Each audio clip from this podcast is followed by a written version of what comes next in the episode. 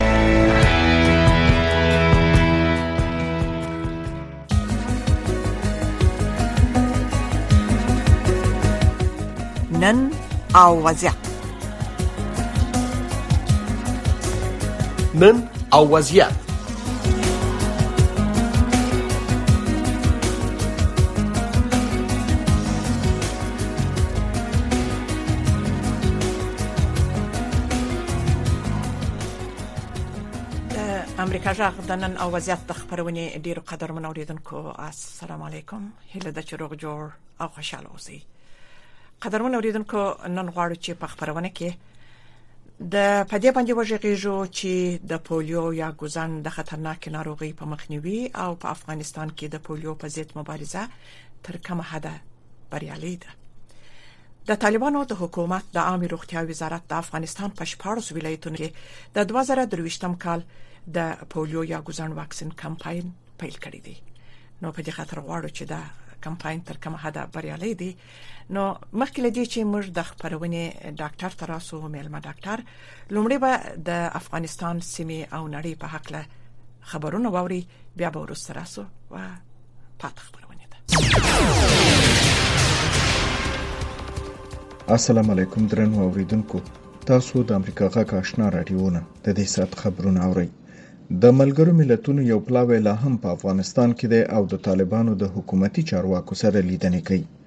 د دې پلاوی مشري د بشري مرستو په چارو کې د ملګرو ملتونو د عمومي منشي مرستیال مارتین ګریفټیس کوي او د طالبانو سره یې د نجونو پر تعلیم، د ښځو په کار او بشري مرستو اړوند نورو ستونزو غږېدلی.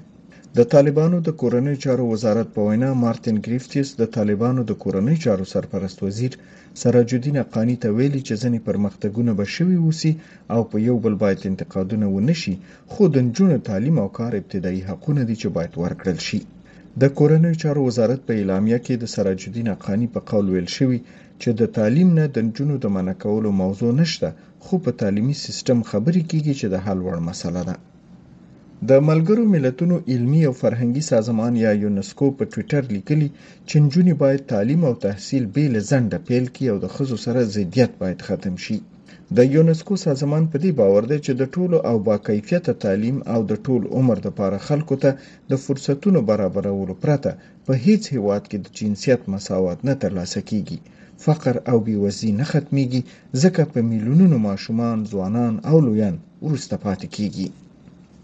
د امریکا د بهرنیو چارو وزیر انټوني بلنکن په افغانستان کې له زده کړو څخه د ښځو او نجونو په محرومیدو یو ځل بیا انتقاد کړی دی، ویلي دي چې امریکا لا هم د افغان میرمنو او نجونو د حق پلوي کوي.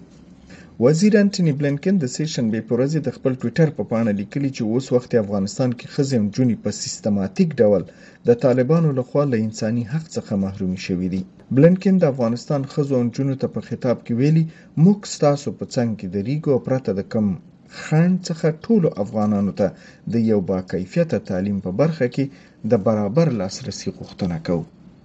پاکستاني چارواکو خبر ورکړی چې د افغانستان لپاره د روسیې خاص استازی ضمیر کابلوف پاکستان ته ورغلی. د افغانستان لپاره د پاکستان خاص استازي محمد صادق په ټویټر لیکلي چې د روسیې د خاص استازي ضمیر کابلوف سره یې د سیمې په وروستیو حالاتو خبرې کړي او د مسکو او اسلام آباد ترمنځ د ښه راتلونکي په مقصد یې د نږدې همکاریو ژمنې کړي. د طالبانو ضد د ملي مقاومت جبهې ادعا کړې ده چې ځواکونو یې د طالبانو دیارلس جنګیالي نیولي. د یادې جبهې ویان ویلي دوی تیره ورځ په نورستان ولایت کې تکتیکي حمله کړې چې د طالبانو دوه مرکزونه یې سوځولي خو د مقاومت جبهې ته هیڅ زیان پکې نه دی رسیدلی. طالبانو په دې اړه تر اوسه څه تبصره نه ده کړې. تاسو د امریکا غږ آشنا رادیو نه د افغانستان سیمې او نړۍ خبرونه اورئ نن چهارشنبه د پاکستان روپۍ د ډالر په وړاندې ارزښت یو اشاریه دوه سلنه نورم کم شو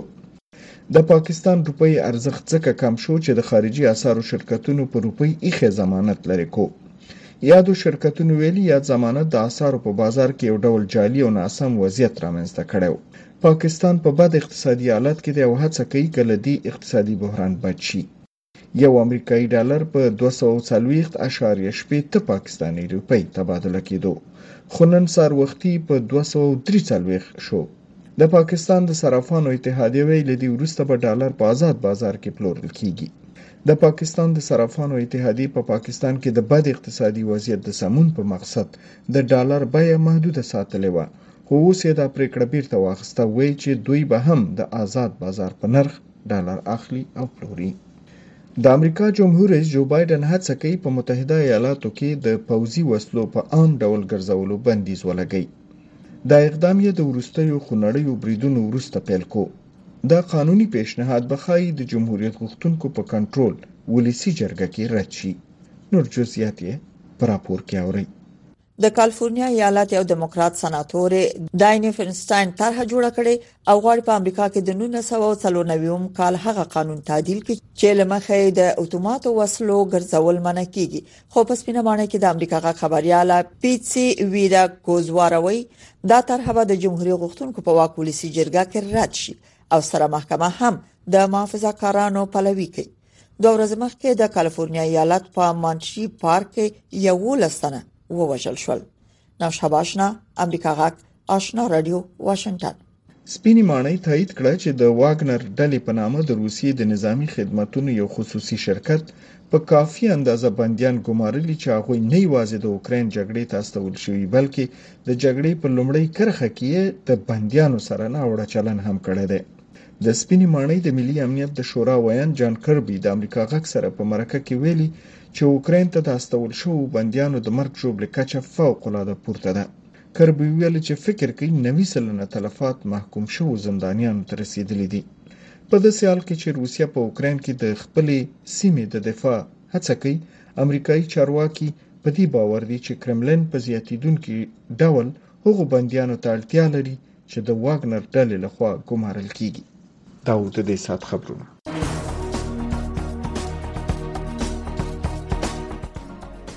نن او وضعیت نن او وضعیت د نړۍ سیمه او افغانستان پر روانو چارو او د نن په وضعیت خبرونه راپورټونه مرکه او تحلیلونه هر شپه په 9 بجې د امریکا غږ آشنا رادیو نه واوري تاسو خبرونه د امریکا غږ آشنا رادیو څخه واوریدل قدرمن اوریدونکو نن غواړو چې په خبرونه کې د پولیو د کمپاین په اړه کې د پولیو د واکسین یا د ګزند د د پولیو یا ګزند د واکسین د کمپاین په اړه کې ستاسو سره خبرې وکړو خو لومړی به درنو اوریدونکو راسو چې د طالبانو د حکومت د عامه روغتیا وزارت د افغانستان په 14 ولایتونو کې د 2023 کال پولیو یا ګزند واکسین کمپاین پیل کړی دی په دې باره کې به یو رپورټ د کندهار څخه واورو بیا به راسو محترم ډاکټر صاحب روغتي مسولین وایي چې په کندهار، هلمند، روزګان او نیمروز ولایتونو کې به د څلورو ورځو په ترڅ کې یو اشاریه شپږ میلیونه ماشومانو ته د صحي ټیمونو له لوري د ګوزړ ضد واکسین ورسیږي. د پولیو د له منځه وړلو د بیړني مرکز مشر ډاکټر نیکولي شاه مومن له امریکا غږ اشنا راډیو سره په خبرو کې وویل چې دوی هڅه کوي ترڅو ټولو لیرې پرتو سیمو ته واکسین ورسوي او هیڅ ماشوم له واکسین څخه محروم پاته نه سي. په جنوبي حوزه کې په څلورو ولایتو کې دا کمپاین ترسره کیږي، په هغې کې کندهار، هلمند، ارزګان او نیمروز دي. زموږ په څلورو ولایتونو کې هغه ماشومان چې عمرونه یې د پنځو کالو څخه کم دي شمېر یې یو اعشاریه شپږ میلیونه ماشومان کیږي ټولو لرو ساحو ته په دې څلورو ولایتو کې ټولو ماشومانو ته زموږ ښه زده وي چې اوکسین ورسیږي. پر همدې مهال د کندهار ښار اوسیدونکي وایي چې د ماشومانو د روغتیا لپاره وقایه ځانګړي اهمیت لري دوی وایي چې تیر کال د کورنۍ ګڼ ماشومان د واکسین له کمپاینونو څخه پاتې شوي د کندهار ولایت اوسیدونکي نثار احمد او عبدالله په اړه داسې وایي چې باید چې د پخوا په شان کور په کور د واکسین کمپاین وسی څکه چې اوس مشچت په مشچت زموږ ماشومانو ته دا واکسین نه رسیږي نو زموږ اله دا ده ارزو دا ده د لوړو چارواکو سره لوړو مقامات سره چې د واکسین دی د پخوا په شان چې کور په کور چې وکي څکه چې د کوچنیان د ناروغي سره وژغورل شي واکسین خو موږ خود وکړو چې ودی راشي موږ دغه وکي اوس خو دې شکر الحمدلله ګرد لارې ولیکي او ارخوا ولله دې ارزای ته رسیدګي کولای شي ار ولسوالۍ ته ارزای ته د خلکو همدې غوښتنې ته د پولیو د له منځه وړلو د عملیاتي مرکز مشر ډاکټر نیکولي شاه مومن د خلکو پوهاوي ته خوښي څرګنده کړه او زیاته یې کړه چې په دوه زره درویشتم کال کې به د همکارو ادارو سره په شریکه په جنوب زون کې د ځانګړو پلانونو له مخې د ګوزاړ ضد واکسین کمپاینونه پلي او له پنځو کالو کم عمره ماشومانو پورې به د ګوزاړ ضد واکسین ورسوي. دا چې د خلکو غوښتنه ده، دا خپله یو ښه پیلامه ده، ځکه د خلکو عامه پوهاوی زیات شوی دی. خلک په خپل غوښتنه کوي چې موږ ځای کې کمپاین په کور په کور تر سره شي موږ منطقي ته په کتو د لزوم دید لمخې مایکرو پلان جوړو د هغې لمخې مخ ته ځو ګزاړ یوه وایرسي او ساري ناروغي ده چې له پنځو کالو څخه کم عمره ماشومان ورباندې اخته کیږي او د تلپاتې معلولیت لامل کیږي روغتیا پالان وایي چې ګزاړ ناروغي درملنه نه لري خو مخنیوی یې یوازې د پولیو واکسین په واسطه کېدای شي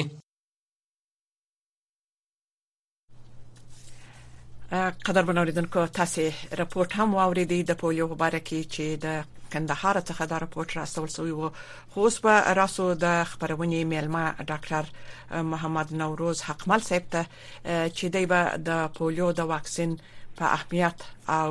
او چې دا څه ډول واکسین دی او نن ورځ د ګوزڼ د خطرناکې ناروغۍ په مخنیوي او یا په افغانستان کې د پولیو پر ضد مبارزه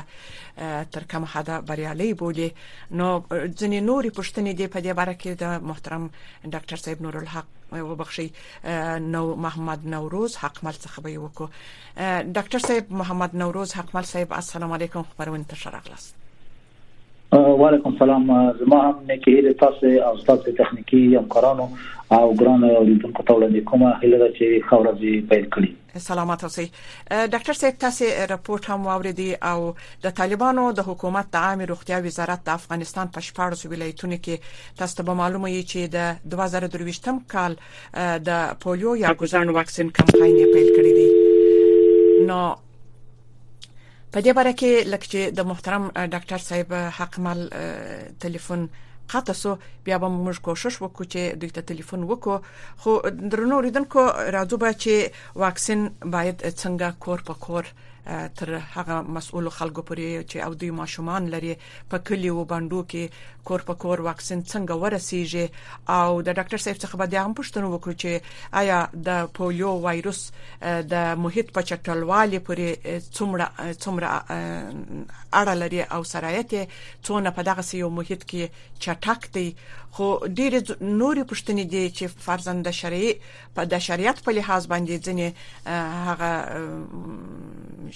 ملایان یا طالبان یا وبخښي هغه دینی عالمان دي هغه وایي چې د شریعت له نظر اکثره دوی وایي چې کوم ستونزه لري په دې باره کې هم د دوی څخه پوښتنه وکړو چې آیا دا واکسین حرام دي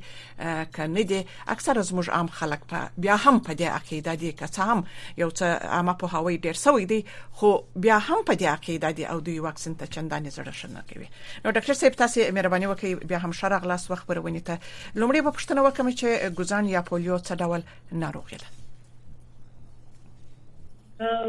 وایروسي ناروغي ده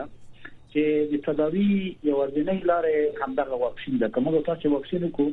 نو په اساني سره کولای شو چې د دې ناروغي مخنیوي وکړو په بل مهمه خبره دا ده چې تنها او تنها په دنیا کې دوه هیوادونه دي افغانستان او پاکستان د چې دلته اوس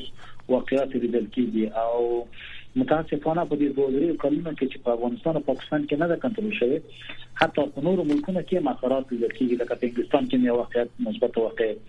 موږ دلته ولیدل او حتی په افریقا کې څو نور مثالونه لیدل شوي دي بله محترم ډاکټر صاحب تاسو دا رپورت هم اوریدلی او چې د طالبانو حکومت د عامه روغتیا وزارت ویلي چې دوی د پولیو یا ګوزن واکسین کمپاین پیل کړی دی نو تاسو تر کومه حد دغه مبارزه په افغانستان کې بریالي بولی خو د واکسین خو ډیره مهمه ستراتیژي ده یو د هغو مهمو طریقو نه چې کوم تاسو وګورئ په افغانستان کې د ګزن ناروغي ته د پایټکه کېږدو نو دوه لارې دي یو لارې دا ده چې موږ په منظم ډول پر روغتيایي مراکزو ته مراجعه وکړو او د افغانستان په ټول روغتيایي مراکزو کې په کلیو باندې کې روغتيایي مراکزو کې دا د ګزن واکسین هم شته او یو څه به دوه خلکو ته کچیر ته دوی نه نه توانیدل چې په منظم ډول سره ماشومان واکسین کې دی هغوی لپاره د دې کمپاین لاره ده بله د کمپاین لاره کې بیا دوه خبرې مهمه دي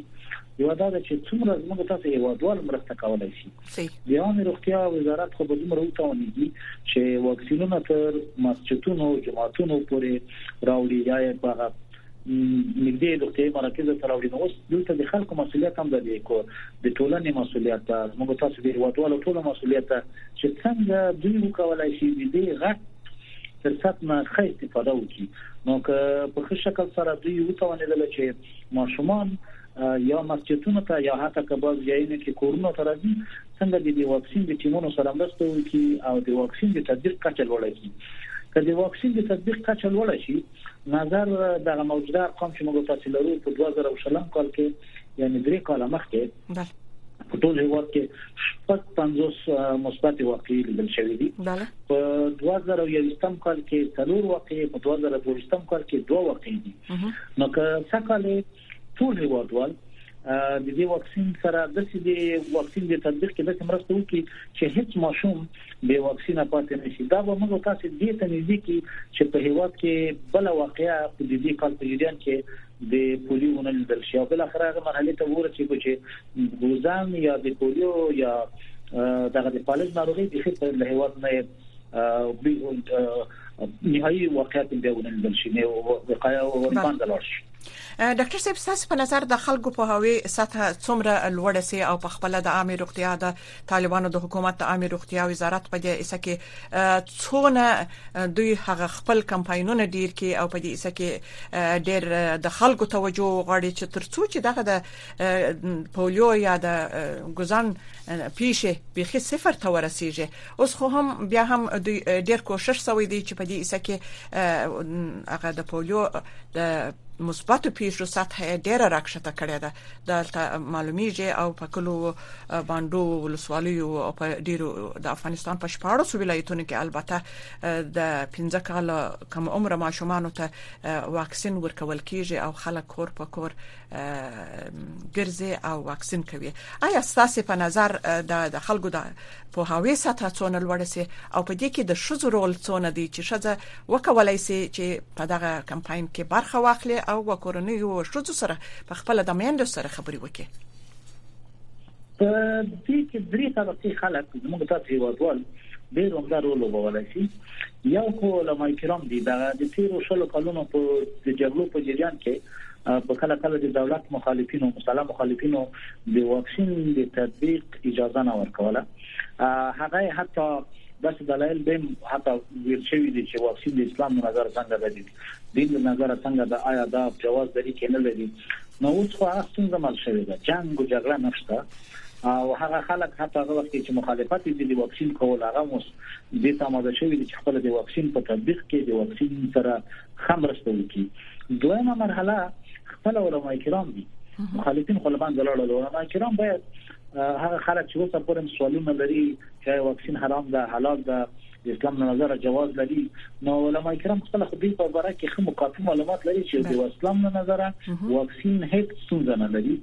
او بیا هم هغه هیوادوال چې ستونزې لري غلونه لري نو که چېرته علما کرام زموږ او تاسو په تخصص باندې د واکسین په جریان کې کمپاینونو کې دوی هم په مساجدو کې د واکسین په اړه کې خبرې وکړي خلک تشویق کړي دریمه مرحله کورنۍ دي خصوصا ماینګ دي مورګان دي پلارونه یا نارینه او اکثرا کلیو باندې کې بل څه ته کار کوي یا مسافري نو مور دا چې په دې کې ډیر زیات هم تصمیم نیولای شي او هم زیات رول لري نو که چې تماین دی او زموږ تاسو خوان دي کوشش وکړي چې خپل ماشومان په خپل وخت کې هغه وخت کې چې د واکسینونو ټیمونه د دې منطقې ته راځي د کمپاینونو د کمپاینونو د ټیمونو سره مرسته وکړي او ټول ماشومان واکسین کړي دا غدري طبقه خلک په که په اخلاص سره کار وکړي هم ثواب لري او هم به موږ تاسو په انده کې د ستونزې سره چې ماشوم د ټول ژوند لپاره ګزارنه وهي یا پال شي او بیا ګرځېدل نه شي دغه څخه به جلوګیری وشي بله محترم ډاکټر صاحب حقمل آیا دا د پولیو وایروس پولیو پولیو یا ګوزن چې تاسو ته معلومه ده یو وایروسي ناروغي ده نو دا د وایروس د محیط په چټلوالي پورې څونه اړه لري او په هغه محیط کې چې فرزنده محیط ډیر چټل وي څونه دغه وایروس سرایت کولای شي ستاسو په نظر د دې کې دوه موضوع دي یو دا چې موږ تاسو که کوشش وکړو چې د واکسین د تطبیق کچه لوړه کړو حتی که محیط خراب هم وي محیط ډېر پاک هم نه وي چې د واکسین د تطبیق کچه لوړ یعنی ډېرو ټول ماشومان واکسین شوي دلته هغه ډېر زیات رول لري یعنی د واکسین په ویغه د دغه مرض په وقایه مخنیوي کې هم دا رول لري دویم محیط په ټول امراض کې فرق لري نه تنها په ګوزن کې د ګوزن په ناروغي په انتقال کې په ټول امراض کې رول لري نو هغه شخصي یعنی فردي چې موږ تاسو ته وایي هر نفر باید خپل لاسونه پرېمینځي که تشناب نه راځي صابون نه استفاده وکړي که صابون نه خو منظم ډول پر اقل د لاسونو مینځل محیط پاک ساتل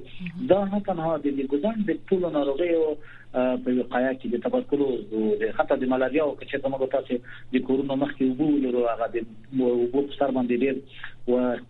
نظافت کې منظم پاک شوی نه یعنی جای پاک نه د نور مرزونو د ډیر زیات ناروغي او خصوصا د مکروبي ناروغي هغه چې په اساني سره یو انسان بل انسان ته انتقالي یا د محیط نه انسان ته انتقالي دي په دې کې رول لري نو موږ تاسو باید د دوه کار وکړو یو دا وکړو چې د واکسین د تطبیق کچه ټولنه لوړه کړو خپل هدف پورې توانه پورې یا د توانه هم زیات په دې کې مرسته وکړو د عامه روغتیا د وزارت سره دوهم محیط په پاکوالي کې هم رول لوبو کچې ته محیط موږ تاسو پاک وساتو نو نه تنها د ګزن نور ساري ناروغي چې په اساني سره موږ تاسو بیا انسان له انسان انتقالي نو دغه په خایه کې به هم رول لوبولای واقعا دغسې ده لکه څنګه چې تاسو ویل چې دا ناروغي یوازې د پولیو واکسین په واسطه سره د دې ناروغي درملنه کیږي واقعا دغسې ده چې پولیو یو وایروسي ناروغي ده په اصطلاح داسې درملنه نه لري یوازې د واکسین په واسطه باندې د دوی مخه نیول کېدای شي او دا ناروغي زیاتره په ماشومانو کې خبريږي او د دایمي فلج د باعث یا د مړینې باعث ګرځي نو په دې خاطر باندې باید مایندې او کورنۍ او هم دغه راز لکه تاسو چې ویل دینی عالمان په دې سکه ډیره برخه واخلي چې خلکو ته دا زمينه ورته مساعده کی چې او دوی پوکي هم عامه په هوی ورکی چې دوی دغه واکسین تطبیق کړي ډیره مننه ډاکټر صاحب تاسو څخه بیا هم ډاکټر صاحب لکه څنګه چې مخکې وویل اکثره خلکو به یعنی عام خلکو خصوصا بعضی په اصطلاح دینی عالمانو دغه نظر درلودي چې د پولیو واکسین یا نور واکسینونه دا د شریعت کې حرام دي او تاسو دا د اسلام د نقطې نظر از داستون ستونزه څونه بولی او په دې باندې لسر رونه واچوي ډیره مهمه خبره ده اصلا دا چې په ټولو اسلامي هیوادونو کې په ټولو د پاکستان په شمول باندې په نورو هیوادونو د واکسین د پولیو د واکسین د تطبیق په اړه باندې هیڅ کوم موانع وجود نه لري یعنی د اسلام نظر هیڅ ستونزه نشته ورته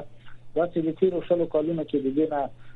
د دولت مخالفینو سیاسي استفاده کوله یا په یو شکل بل شکل د واکسین پروګرامونه بندول هغه سیاسي هغه د شخصي هغه خو د اسلام سره د جواز او ناجواز یا حرام او حلال سره هیڅ ارتباط نه درلود بله د تیر شل کلونو په جریان کې ډیر د علماء په دې بحثونو کې برخه اخیستې ده او د امر روغتیا وزارت سره ډیر همکارو او همیشه داس دلایل حتی په مسجدونو کې د جمعې په ورځ جوړ ډیر خطبه کې هغه شاده خبرې کولې چې دلته د اسلام نظر هیڅ ستونزه ورته نشته نو اوس خو ستونزه هیڅ نشته ستونزه هیڅ خبره نشته بل یو مهمه خبره چې په افریقا کې او هغو ملکونو کې چې د واقعیت په خوا د دغه ناروغي ډیر وو بیا ورته کم شوی دي په هغو کې درې طبقو خلکو حتی قهرمانان شوی دي یعنی د من د منطقې ملکانو سپینګری چې هغه باندې څه خلک دي بله. دوی په خپل منطقه کې د څه کمپاین کې رول لوبولای دا چې ځان مطمئن کړه د هیڅ هیڅ څوک د واکسین نه پاتې شي همدا چې علما کرام په خپل منطقو کې فکر وکړ یو مولوی صاحب چې چیرته د ولسوالۍ د مسجد خطیبي هغه مولوی صاحب دومره دومره کار ته کړی دا چې بیا د ټول ولسوالۍ کې هر د څوک نه دی پاتې شي چې واکسین شوی نه هم هم دغه چې هغه مایند هغه زموږ تاسو په مایند چې په منطقه کې نفوذ لري یا فکر وکړه په خو په کلی کې د دایې محل ته ویل نه غمای دي چې په ولایتونو کې به ډیر رول لوبو او خلکو به ډیر په احترام درلود ډیر نفوذ درلود عین په افریقا کې هم دا شوی دی دغه مایندو ډیر هم دا رول لوبولای دا په کور په کور ګرځیدل دي دغه پیغامونه خلکو تر رسولي دي چې تر څو پورې یو ماشوم هم د ګوزن د واکسین د واکسین نه پاتې نشي نو که په دغه ټول لاسونه پر یو کو دا تنها د عامه روغتیا وزارت وظیفه نه ده دا تنها د یو صحیح خبره ده بله په دې کې باید موږ تاسو ټول لاسونه پر وخت دي د اسلام نظر هیڅ مشکل ستونزه نه لري د ساينس نظر هیڅ ستونزه نه لري نه په حتی په دغه پرمختللي هیوادونو کې چې څوک راځي خصوصا که د افغانستان نه راځي یا د داسې هیوادونو نه راځي چې هلته د ګوزن واقعیت ډیری دلته ته هم دغه په امریکا په دغه اروپאי هیوادونو کې هم دا واکسین ورکړي واکسین کې فرق نشته یعنی په څومره کې د دنیا غریب ملک کې که څومره د دنیا پرمختللې ملک کې د ګوزن ناروغي د وقایې لپاره د لمنځولو لپاره یو ځنه په ټول دنیا کې واکسین ده نو که چېرته موږ تاسو د واکسین په تطبیق کې چې هر څومره کولای شو مثبت رول ولوبو نو د افغانستان اقل د دغه بدنامۍ نه چې موږ تاسو په ټول نړۍ کې تنها دوه ملکونه دي پاکستان مثلا طالب په افغانستان کې ځکه چې تیر شلو کلونو کې د افغانستان کې د واکسین د تطبیق کمپاینونه ته ډېر ستونزې دي ډاکټر صاحب بخښنه دي دغه عمل هم نمرې جګه خېستي او د دنیا کې هم دا غنوم چې اوس خشدار ده اقل د دغه ستونزې نه باندې وستلې بیا هم ډاکټر صاحب موږ یو دوه درې دقیقې نورې هم لرو خو بیا هم په افغانستان کې سربېره پر دې چې د ګوزن د ناروغي پر ضد باندې کمپاینونه د روان دي خو په افغانستان د افغانستان په ځینو ولایتونو کې بیا هم دا پیښې لیدل کیږي د دې علت څه دی ډاکټر صاحب تاسو کې په لاندې ډول راته وایست به تاسو ورسته پیغام وهغه کورنۍ ته چې دوی د ګوزن واکسین لا تر اوسه نه مني او د دې څخه انکار کوي او ماشومانو ته یې نه تطبیقوي په دې باره کې به لږ څه معلومات ورکړي مهرباني وکړي. دا چې اوس په یو تعداد ولایتونو کې د ویګوزن واکسین تطبیق کیږي یا کله کمپاین په شکل سره او په یو تعداد کې نه کیږي درې خبرې پکې دي په هغه ولایتونو کې چې د واکسین د تطبیق کچه ټیټه وي په هغه روتینه حالت سره چې کله روغتي مراکز ته مراجعه کوي خلک کم مراجعه کړي او د عامه روغتیا وزارت داسې شواهد ولري چې دغه ولایتونو کې د دې امکانات شته چې هلته د د ګزن نور واقعیت ولیدل شي یا مشکوک واقعیت دي او یا دا چې په تیر کلونو کې هلته ډېر مثبت کیسونه واقعیت پیدا شوي نو څومره چې خطر زیات دی ځان روغتیا وزارت هغه ولایتونو ته ډېر توجه کوي په دې کې کومه سیاسي موضوع نشته په دې کې کومه بل سمتي موضوع نشته تنها د ساينس له نظره په هغو ولایتونو کې چې خطر زیات یا یو پخوانی کچه د تطبیق ټیټه شوی او یا په محیط کې حتی اوس د روغتیا وزارت محیط هم یو نمونه یا سامپل اخلي محیط ګوري چې په دغو ځایونو کې په دې محیط کې څومره د وایرس خطر شته نو په کوم ځای کې چې د وایرس خطر د موجودیت خطر دغه ځایونه تر ډیره توجه کیږي چې باید واکسین نه تطبیق شي بله بله بله او کورنۍ په دې کې مستقیما رول لري چې یو ماشوم فرض کیږي د ټول عمر لپاره یا خدای نه خواسته ژوند له لاسه ورکړي فکر وکړئ چې فامیلونه هم په قتل کې دخیل دي که چېرته واکسین ته توجه ونه کړي او هم د دې ماشوم په فلج کېدل سره کوټ کېږي به سره د ټول عمر لپاره مایوب پاتې کېږي نو خدای نه خواسته ماشومان به په کورونه به بیا ډیر ورسته د مدام ملامت احساسي چې د جبران وړ بنئ بله کورماتان ملامتینه دی ورسته یو واقعیت او منفي عواقب د جلوګیری لپاره فقط درې ورځې د عامه روغتیا وزارت سره همکار او د دوی د تطبیق په برخه کې چې څومره مرسته کولای شي مرسته سره وکړي کورمادان ډیره مننه ډاکټر صاحب محمد نوروز حقمل چې د لندن څخه زموږ سره په تماس کې واس کورمادان قدرمن اوریدونکو زموږ د خبرونه په هم دې ځای پای ته ورسیده تر بل خبرونه تاسو ټوله پر خدای سپارو او لږ ورسته بس صداي شما یا ستاسو ژغ خبرونه